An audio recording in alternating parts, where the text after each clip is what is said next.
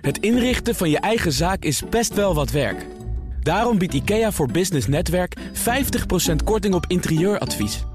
Word gratis lid en laat je werkplek voor je werken. IKEA, een wereld aan ideeën. Baanbrekende businessmodellen wordt mede mogelijk gemaakt door Salesforce. Verenig je rond je klant met Salesforce. BNR Nieuwsradio. Baanbrekende businessmodellen. John en Patrick. Naam van jullie bedrijf. Prioritize. En dat spel je met P-R-A-I-O. Wat is de meest gestelde vraag die jij over je product krijgt? Hoe werkt het eigenlijk? Welke groeipijnen maak je momenteel mee? Ik denk dat het uh, nieuw product uh, vraagt om uitleg. En vandaar dat we uh, dingen zeg maar, zo makkelijk en clickable maken dat mensen het ook zelf kunnen ontdekken. Je krijgt vandaag 3 miljoen euro. Hoe ga je dat geld besteden?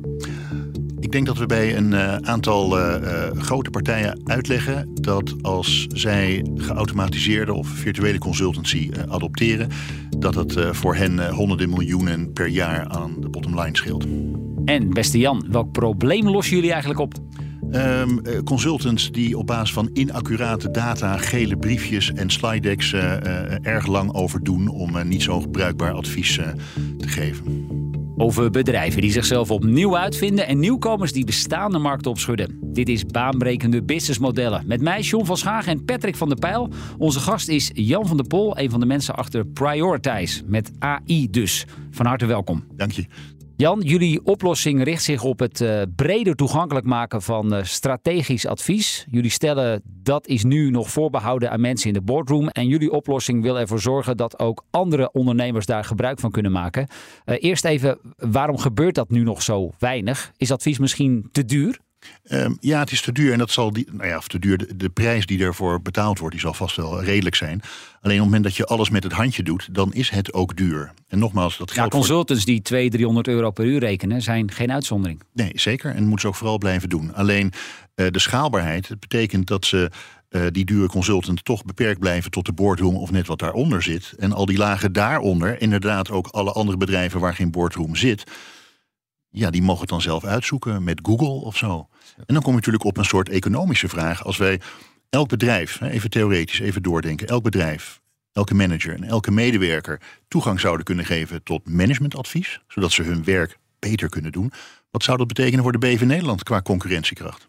Ja, ik denk wel dat als je naar die consulting dienstverlening kijkt, moet je ook naar het businessmodel kijken. Dus als wij met elkaar een consultingbedrijf runnen, dan word je ingeschakeld voor managementadvies. Betekent niet dat je drie tot zes maanden meteen voltijd uh, voor een aantal mensen werk hebt. Dus dan zie je ook een uurtarief is een logisch gevolg mm -hmm. van het feit dat je niet fulltime ingezet kan worden. En ook wel specifieke kennis, omdat uh, uh, je dat ook moeilijk kunt, kunt inzetten. Uh, bijvoorbeeld bij kleinere bedrijven, want dan moet je heel veel acquisitie gaan doen. Dus eigenlijk is het tarief een heel logisch gevolg.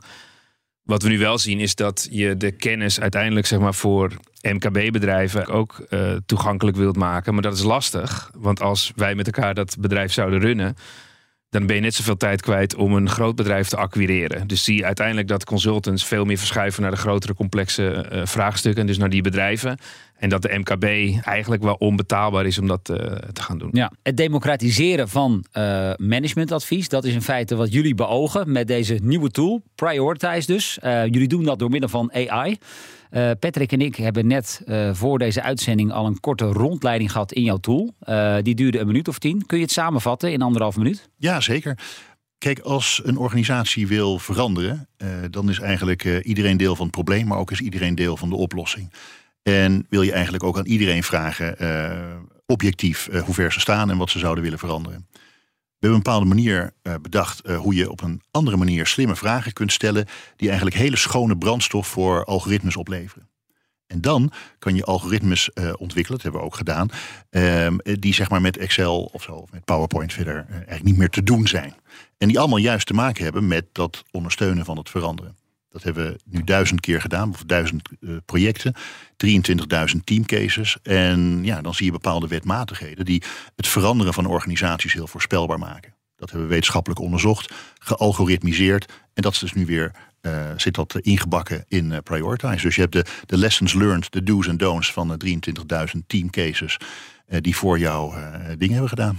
Dat heb je in feite allemaal gedigitaliseerd. Maar stel, wij hier bij BNN Nieuwsradio willen naast Nederland ook nog onderzoeken of we misschien op een andere markt ja. onze activiteiten kunnen ontplooien. Ja. Uh, kunnen wij dan jouw tool daarvoor om advies vragen? Ja, zeker. Uh, het is zo, je kan naar prioritize.com. Uh, daar hebben we aan de ene kant hebben we een winkel met duizend titels zodat je eens even kan zoeken van, uh, staat er al iets bij wat mijn probleem afdekt? En een titel is een probleem dus? Ja, bijvoorbeeld uh, uh, hoe gaan we veiliger werken? hoe gaan we driverless trucks in onze supply chain integreren? Hoe stimuleer ik innovatie? Precies. Dat soort cases. Ja, duizend stuks. ook op basis van 11.000 consultancy whitepapers die we hebben gedownload en gelezen en gerankt, et cetera. Maar het kan best zijn dat voor dit hele specifieke punt wat je net noemt, John, dat daar nou net niet iets in de winkel staat. Dus wil je maatwerk. Wat we ook hebben, en dat is nog steeds ook allemaal gratis, is dat je eh, aan de hand van een aantal keywords uh, met een druk op de knop eigenlijk een op maat assessment krijgt. Die niet alleen maar vragen stelt, maar waar je eigenlijk ook weer advies mee terug kunt geven. Hè. Vraag, vragenlijst op zich. Ja, maar even toch nog even terug naar die case van BNR. Dat is heel specifiek. Hè? Er zijn niet heel veel partijen in Nederland die met een soortgelijke vraag zitten. Kun jij dan maatwerk leveren? Of wordt het een soort algemeen adviesje wat ik ook in een gemiddeld managementboek kan vinden. Nee, nee het is echt uh, advies op maat. En dat heeft dus te maken met uh, dingen als, als GPT, GPT 3,5, GPT 4. Trainen wat we gedaan hebben op basis van die duizend eerdere projecten. Ehm, zodat we aan de ene kant de vorm van vragen hebben we getraind aan de hand van projecten die we gedaan hebben. De inhoud halen we eigenlijk uit de keywords die we dan weer verrijken. En eigenlijk met GPT een aantal keren in gesprek zijn. Dan bedoel ik eigenlijk het volgende. Um, GPT levert iets, we geven weer iets terug, levert iets, geven weer terug. En dat gaat zeg maar 6, 7, 8 keer rond. Dat maakt, er, uh, of dat maakt het dat je daardoor jouw advies wel op maat wordt. Ja, dus uh, in feite in de oude situatie zou je kunnen zeggen dat onze hoofdredacteur Mark Adriani zou één of twee business consultants kunnen uitnodigen. Die komen hier een weekje de boel verkennen en die komen dan uiteindelijk met een advies. En jij zegt, met de tool die wij hebben, hoeven die business consultants niet te komen. Dat die informatie, die haal je bij ons uit de computer. Ja, klopt. Patrick, jij schijnt ook nog wel wat kilometers op de teller te hebben staan in deze branche. Hoe luister jij hiernaar? Uh, nou, met twee uh, gedachten. Eén is um, nieuwsgierigheid vanuit uh, techniek. En ook weten dat er al genoeg bewijs is dat dingen veel sneller kunnen.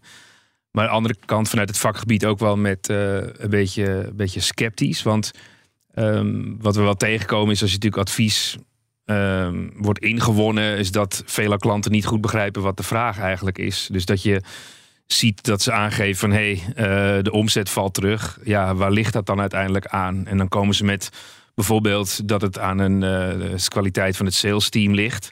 Maar wij zagen bijvoorbeeld in een project bij uh, Wavin destijds in Turkije. De buizenfabrikant. De buizenfabrikant dat het daar helemaal niet aan lag. En dat het mee te maken had dat ze onvoldoende relatie met de constructiewerkers hadden. Waardoor ze uiteindelijk uh, begrepen dat zij niet goed begrepen welke producten er allemaal beschikbaar waren. Dus je ziet dat die, die, die vraagverduidelijking, uh, dat is wel echt een, een punt. Wat ik wel zie als je kijkt naar deze tooling, als je de website gaat kijken, je moet er wel even doorheen om het goed te begrijpen. Maar wat ik ook wel zie is dat je bijvoorbeeld, uh, als je het hebt over maatwerk, uh, in één klap heel veel mensen tegelijk ook kunt ondervragen. Uh, die dan ook het gevoel krijgen of weten dat ze betrokken worden in onderzoek. Hè. Dus bijvoorbeeld hier bij de, onze hoofdredacteur bij Mark Um, we kunnen in één klap alle collega's uitvragen. Misschien nog ook wel alle sprekers die hier de radio geweest zijn. Ja, daar hebben we net een demonstratie over gehad. Hè? Dat je dus allerlei gerichte vragen kunt stellen aan uh, medewerkers. Die ook input kunnen leveren. En dan ontdek je misschien ook wel de vraag achter de vraag. Ja, want kijk, dat zou kunnen. Want uiteindelijk als je het hebt bijvoorbeeld over een strategietraject. En um, ik stel de vraag van hey, hoe duidelijk is die strategie nou bij iedereen bekend? Er kunnen vanuit het management daar een oordeel over gegeven worden. Maar als je die questionnaire eruit gooit, dan heb je dat natuurlijk klip en klaar ineens uh, binnen een paar seconden op je netvlies. Dat is ook zo. En um, wat je natuurlijk krijgt, dat eerste wat je zei van die vraagarticulatie. Natuurlijk is dat zo dat je dat gewoon lekker moet blijven doen. Helemaal prima. Um, maar op het moment dat je natuurlijk echt gaat veranderen, we zeiden het al, iedereen is onderdeel van, de, van ook van, de, van het probleem en van de oplossing. Hetzelfde als je zou zeggen van, eh, weet je wat, laten we de Tweede Kamerverkiezing maar stoppen. Want we hebben al aan de mensen in Arnhem gevraagd wat we moeten doen met de belastingen. Dus je krijgt binnenkort wel bericht. Dan zeg je natuurlijk ook, ja wat? Kom op. Ja. Dus op het moment dat je iedereen kan betrekken, dan gaat het niet alleen maar om het betrekken om het betrekken, maar ook kan ophalen de wisdom of the crowd. En iedereen kan weer wat kan teruggeven. eh, Twintig keer sneller dan eh, op de oude manier. Ja, dan kan je natuurlijk heel snel gaan schakelen. En als je ehm, met deze kennis en techniek eh, komt, ik wilde meteen naar je LinkedIn profiel kijken om te begrijpen van hey, hoe ben je daar opgekomen of waar ligt die interesse dat je daar al eh, in een veel eerder stadium mee, mee aan de gang gegaan bent? Eh, ik heb ooit in Silicon Valley gewerkt, eind jaren negentig. En toen was er een koorts, of iets van e-business, zo noemden we dat toen nog. Ja. Je kan op een website kan je iets kopen. In een tijd dat men in Nederland dacht, internet, teletext, allemaal informatie op een scherm. En die koorts van dat toen voelen, ja, dat was zoiets geweldigs. Dat ehm, ja, terug in Nederland, we zeiden ja, dat consultancy, hartstikke leuk. Maar ja, te veel eh, post-its en slide decks, et cetera, kunnen we dat niet online maken. Ehm, en dat is gewoon een kwestie van iedere keer wat, eh, ehm, wat verder gaan. Eerst heb je een analyse. En je, oké, mooi, we hebben de analyse geautomatiseerd. Ja, wat moeten we dan gaan doen? Oh ja, nou weet je wat, gaan target setting. Nou, we hebben dat bedacht. Ja, en hoe dan? Oh ja, dan moeten we natuurlijk ook nog bedenken hoe we dat moeten doen. En wie kan me dan helpen? En zo gaat het steeds verder. Maar, maar als ik naar jouw profiel kijk, heb je bij IBM eh, eh, gewerkt en bij eh, Bearing Point. En, en wat was dan het moment dat jij denkt, hé, hey, ik wil dan die kennis digitaliseren? Want nu zie je veel initiatieven voorbij komen op het gebied van AI. Ja. Maar ehm, wat sommige mensen vergeten is dat daar al veel meer eh, kennis achter zit eh, Ja. voordat het zover zichtbaar was. En hoe, hoe zat dat bij jou? Nou, ik, heb, eh, ik, wil, ik kan natuurlijk heel glamorous doen, maar het was een, was een moment toen hadden wij al iets van eh 700 projecten voor klanten begele- begeleid. En vanuit Bearing Point bedoel Nee, je? nee, nee, vanuit als eigen bedrijf. Ja, We zijn er zeg maar al iets van tien jaar geleden begonnen. En na 700 projecten kwam opeens het inzicht. Maar wacht even, het zijn iedere keer weer bepaalde smaken.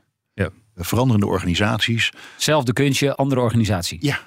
En eh, vorig jaar ook een boek geschreven, How Transformation Executives Sleep So Well. En het gaat alleen maar over veranderende organisaties voldoen aan wetmatigheden. Oké, maar dan kan je ze algoritmiseren. En toen was nog lang niet alles geautomatiseerd. En toen kwam, in januari 21, kwam eh, eh, GPT-3. Wow, what the fuck. Nou kunnen we inderdaad die vragen eh, en al die add-ons die je nodig hebt om advies te maken, die kunnen we automatiseren. Nou, Ja, dus Ja. eigenlijk wat jij zegt is van, ik eh, ben zeg maar in dat vakgebied al heel lang bezig. Ja. Als je zoveel projecten achter elkaar zit, dan zie je bepaalde patronen. Dus dan denk je van, hé, hey, hoe gek is dat we het iedere keer weer opnieuw bedenken. Ja. En uiteindelijk heeft het AI voor jou het echt kunnen versnellen. Want heette je bedrijf al Prioritize in eh, Nee, 2008? Nee, nee, toen heette het, het, het, het bedrijf, de entiteit heet Transparency Lab. En op een gegeven moment zeiden van, ja, maar wat we eigenlijk doen is al die ambitie, al die drukte, eh, bedrijven hebben zoveel. Wat zijn nou die paar dingen die je moet doen? Ja. En ja, door AI kan dat versneld. En toen GPT kwam, dat was eigenlijk eh, eh, zeg maar eh, de capstone, waardoor we eigenlijk zeiden, oké, nu kan het hele proces, from start to finish, helemaal geautomatiseerd. Patrick, herken je dat overigens? Eh, dat er patronen zijn in jullie werk en dat je dat inderdaad kunt algoritmiseren? Absoluut. Ja, dus als wij naar innovatie kijken, dan bestuderen we businessmodelpatronen. En wij proberen het hier in de uitzending natuurlijk ook eigenlijk voor elkaar te boksen. Dat onze luisteraars ook eh, stapjes kunnen Jij en ik zijn in feite ook een algoritme. Ja, Ja. En er komt bij, John, dat eh, op het moment dat je eh, tien keer het kunstje hebt gedaan, dan heb je idee van, hé, hey, volgens mij speelt er iets. Dan heb je het honderd keer gedaan, dan denk je, oh wacht, ik kan het al voorspellen. Bij duizend keer of bij tienduizend keer, dan weet je het zeker. En het is alsof je een gordijn openschuift. BNR Nieuwsradio. Baanbrekende businessmodellen. Met deze keer het verhaal over Prioritize. Zometeen meer, maar nu eerst weer een ander businessmodel in de spotlights. En dat doen we deze keer met China-deskundige John Lin. En we gaan het hebben over Ant Forest. Dat is een programma onder Alipay. En Ant Forest bewijst hier eigenlijk dat wij al onze loyalty-programma's verkeerd opgezet hebben in het Westen. Want even uitleggen hoe dit businessmodel werkt. Je doet in China een aankoop en betaalt met Alipay. Dan krijg jij punten. Alleen die punten verdien je alleen als je duurzame keuzes maakt. Dus je moet de fiets nemen in plaats van de taxi. Iets tweedehands kopen in plaats van iets nieuws. Groene stroom afsluiten plaats van grijze stroom. Eh, noem het maar op. En die punten die zetten zich in die app om in een boompje. En dat boompje, dat, als dat volgroeid is, dan planten ze dat boompje daadwerkelijk voor je. Nou hebben ze vijf jaar later voor 600 miljoen klanten die hier gebruik van maken, 300 miljoen bomen geplant. Ja, nu denk je waarschijnlijk, huh, bomen planten, dat kost toch geld? Waar zit het verdienmodel? Hoe krijgen ze dit financieel rondgebreid? Jij kan als klant kiezen in welk branded bos jouw boompje wordt gedoneerd. Dus ik wil doneren in het bos van Starbucks, in het bos van Estee Lauder, in het bos van Nike. En als Nike gaat, dan weet je dat Adidas ook mee moet doen. Uh, en zij kopen eigenlijk die stukjes virtuele bos. En daarmee financieren ze eigenlijk met een soort van advertising het planten van al die bomen. En Forest verdient dus geld met die advertentieinkomsten. En eigenlijk is het krachtigste gedeelte hiervan, uh, wat Alipay doet. Zij motiveren 600 miljoen consumenten duurzamere keuzes te maken op dagelijkse basis. Op, op een manier waar het voor de consumenten niks kost eigenlijk. Nou, een vraag die we John bijna iedere keer stellen.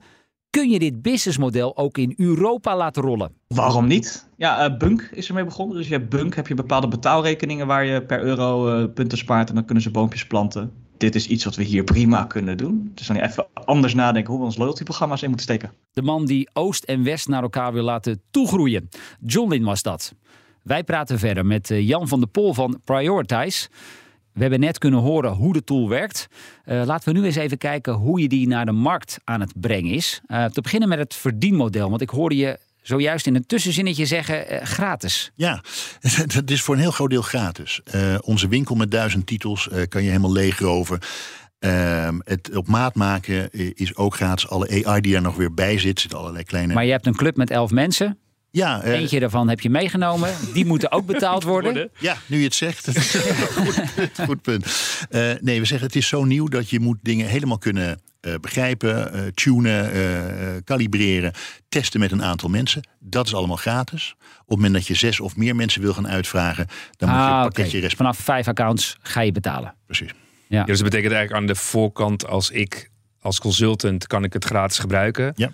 Maar op het moment dat ik naar hier de hoofdredacteur ga en ik zeg ik ga je mensen, dan neem je een uh, paar stoeltjes extra af. Ja, ja en dat, die gra dat gratis instapmodel is denk ik ook omdat je die drempel zo laag mogelijk wilt houden. Absoluut. Kijk, het is uh, aan de ene kant is het nieuw, dus je wil het proberen. Maar uh, precies uh, wat Patrick ook zegt, die vraagarticulatie. Dan ben je bezig, dan heb je wat uitgestuurd en dan zeggen de mensen, nou, het moet eigenlijk wat anders zijn. Nou, dan wil je weer even terug. Ja, en aangezien dingen gewoon sneller moeten, wil je dat meteen kunnen doen. Ja, jij hebt ons in uh, ongeveer 10 minuten uh, laten zien hoe de tool werkt. En ik moet zeggen, voor mij, ik zit niet in, deze, in dit vakgebied, dus ik vond het nog best wel ingewikkeld eruit zien. Dat zal voor Patrick alweer anders zijn. Maar is dat ook jouw grootste uitdaging nu in de markt? Ook die sceptisch wegnemen? Want ik kan me voorstellen dat het advies van bijvoorbeeld van een McKinsey-man of vrouw nog net iets meer credibility heeft dan het advies wat je krijgt via Prioritize? Uh, ik denk dat we een paar verschillende dingen nu uh, uh, moeten onderscheiden. Allereerst zien we niet zozeer sceptisch als wel van... hé, hey, hoe werkt dit? Kan dit ook? Ehm, ik zie een ministerie waar men met 5000 ambtenaren zegt... wij kunnen dit zelf, we hebben alleen de rekenerij nodig. Oké, dus de ambtenaren, hoezo geen trailblazers? Hier doen ze dat wel. Um, ik denk dat wat McKinsey levert, is iets heel anders dan wat wij leveren. En ik denk dat McKinsey dit misschien ook wel zou kunnen gebruiken als ze ja, het zouden want willen. Jij zegt McKinsey is weer een next level? Of? Nee, ik denk dat McKinsey, voor zover ik het weet natuurlijk, uh, vooral op bordniveau uh, met een aantal mensen praat. Nou, en dat moeten ze ook zeker blijven doen. Dat is een fantastische manier. Ze doen misschien ook bepaald marktonderzoek, wat wij ook niet doen. Allemaal fantastisch, petje af. Op het moment dat je een bepaalde nieuwe strategie hebt en zegt, ja, die 200, 2000, 20.000 mensen moeten mee dan denk ik niet dat McKinsey uh, die mensen gaat interviewen of zo. Nou, dan wil je gaan schalen en dan wil je eigenlijk die 202.000, 20.000 mensen persoonlijk advies geven. Daar komen wij. Ja, het schalen van managementadvies hoor ik hier tussen de regels door. Ja, dus ik zie dat je in je waardeketen van je adviesdienst, daar zit een groot stuk sales in. Uh, kost veel tijd. Als je gaat starten, kost het ook veel tijd om te kunnen doorgronden van hey, wat staat hier eigenlijk te gebeuren en waar haal ik mijn informatie vandaan. Nou, bijvoorbeeld allemaal interviewen. Dat zou je liefst iedereen willen interviewen. is eigenlijk altijd te weinig tijd voor. Dan moet je de chocola van maken van hey, uh, een analyse maken. En dan, als je dat handmatig doet, ga je toch één richting pakken. En op een gegeven moment is dat de uitkomst. Als je het opnieuw moet doen, dan moet je wel weer alle uitgangspunten beetpakken. En daarna krijg je een stukje rapportage. En je krijgt een stukje mededelen en zorgen dat het gerealiseerd wordt. Ja, daar zie je natuurlijk als je daar door deze bril heen gaat kijken, dat je heel veel zaken kunt versnellen. En ik denk dat dat de absolute waarde hiervan is.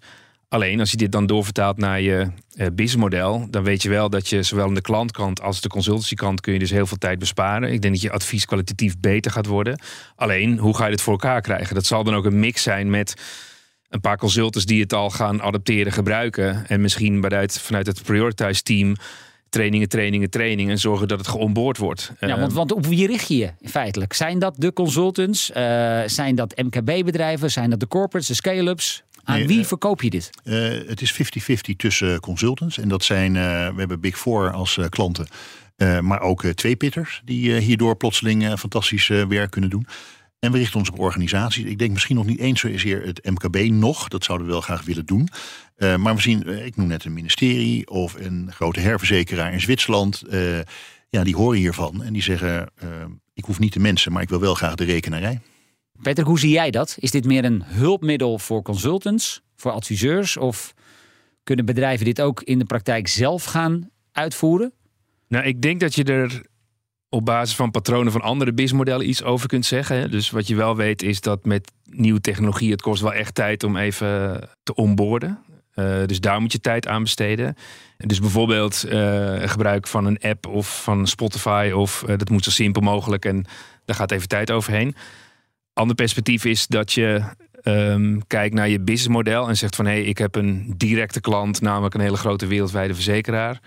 Eh, en ik heb een consultingbureau. Je kunt ze allebei bedienen. Alleen de vraag is, eh, welke gaat straks vliegen? Welke gaat het hardst?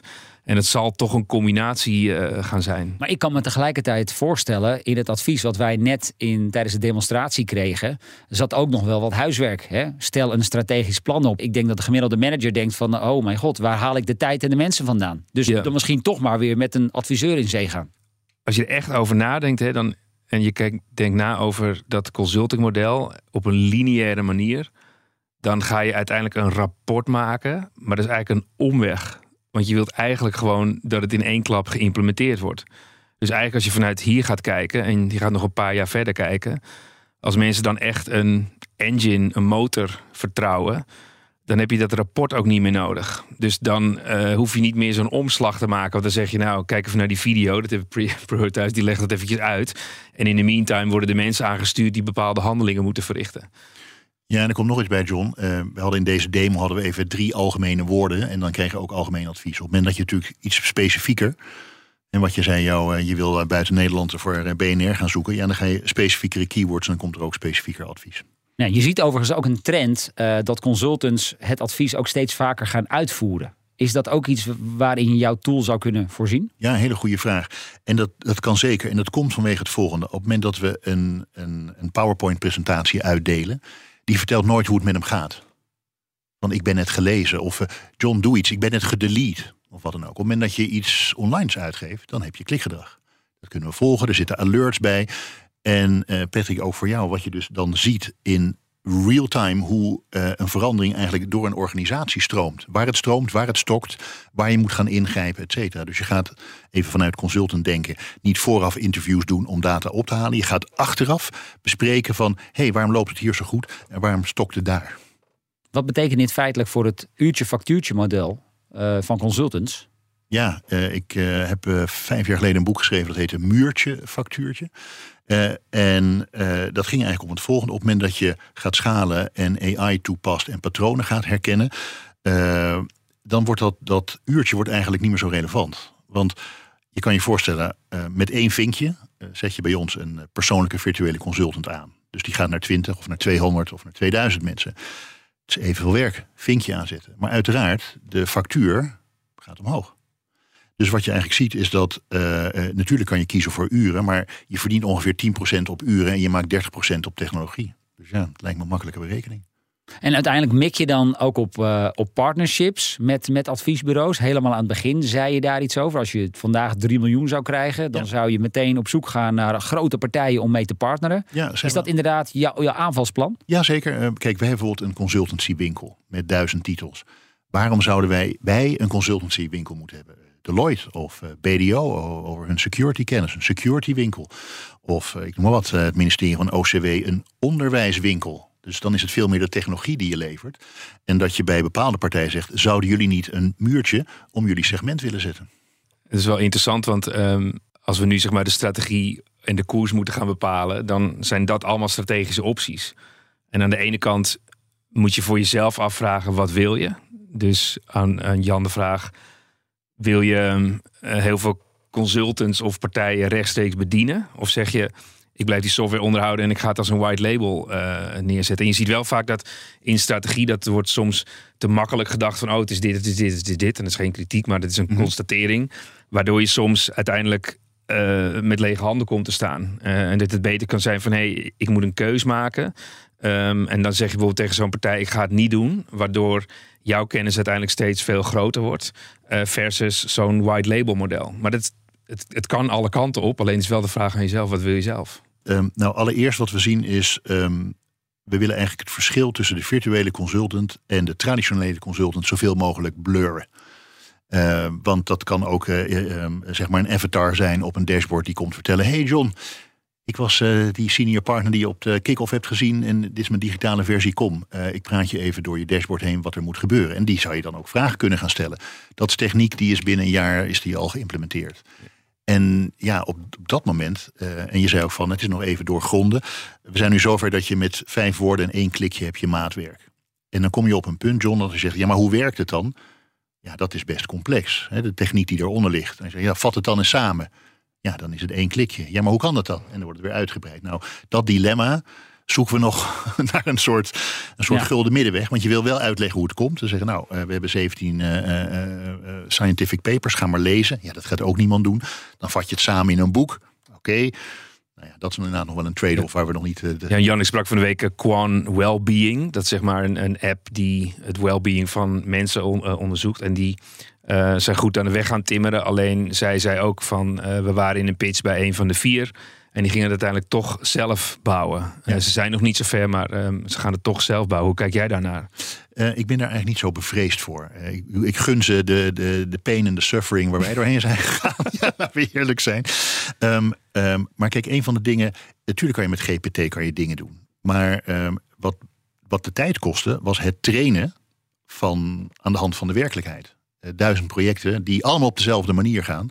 Dat gebeurt niet zo vaak. We zien nou juist die grote waar jij aan refereert, uh, of veel consultants met een partnerstructuur, de eilandjes uh, zorgen ervoor dat er eigenlijk weinig schaal is. Ja. En men wordt beoordeeld. En ook moeilijke toegang tot uiteindelijk de effecten en deliverables van projecten. Dat is eigenlijk weinig moeten, of niet zichtbaar. Dan moeten we opeens gaan we, gaan we dan uh, afdwingen bij uh, 100 partners dat ze 10 projecten allemaal hetzelfde moeten doen.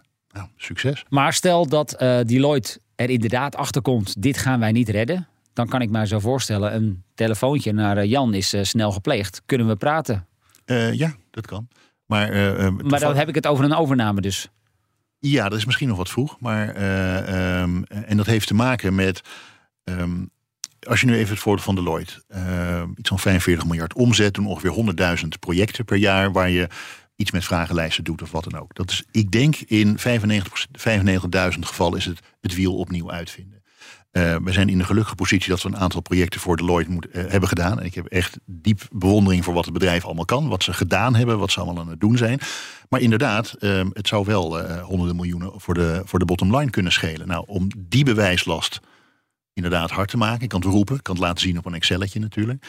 Um, uh, vinden we dat we gewoon eerst dingen gewoon nog meer breder uh, hebben moeten be bewijzen. En Jan, als je dan uh, nog een keer zeg maar, naar je strategische opties kijkt, hè, voor jou als mm -hmm. visie van jou als founder. Waar ga je dan harder op aan? Op het feit dat je een Deloitte kan helpen om het nog effectiever te doen? Of dat je eindbedrijven als corporates heel veel geld kunt laten besparen? Of dat je zegt nee, ik maak het uiteindelijk ook toegankelijk op een laagdrempelige manier voor MKB-bedrijven, waardoor ze harder kunnen groeien of beter tijd besteden. Wat is dat voor jou? Ik denk het laatste. En dan nogmaals, ten derde malen, niet zozeer alleen het MKB, maar eigenlijk ook al die managers onder de boord.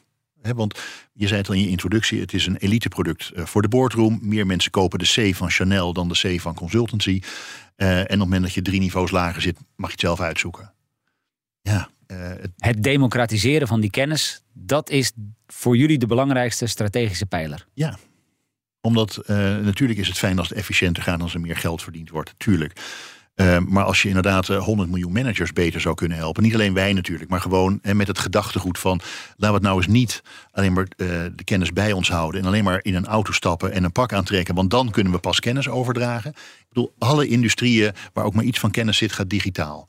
Um, consultants adviseren over digitale transformatie, maar dat doen we dan wel met gele briefjes en veeldstiften. En we hebben het over de customer journey. Maar online kan ik eh, een telefoonnummer opzoeken en een paper downloaden. Ja, en nu hadden we laatst Mark Jonker hier aan tafel van ja. Eh, Miro. Ja. is een digitaal ehm, Ja. whiteboard. Eh, dan heb je digitale post Hoe kijk je naar zo'n eh, co-creatie eh, platform? Ja, aan de ene kant vind ik het hartstikke leuk. En ik vind dat ze, dat ze het goed doen en dat ze er zijn is hartstikke fijn. Want liever dit dan gewone fysieke gele briefjes. Eh, maar het is natuurlijk nog iets anders. Eh, stel je gaat naar de, naar de neuroloog en die zegt... eh, meneer Van der Pijl, hoe zou u eigenlijk geopereerd willen worden? Eh, ja, nou, geen idee. Wat zijn mijn opties?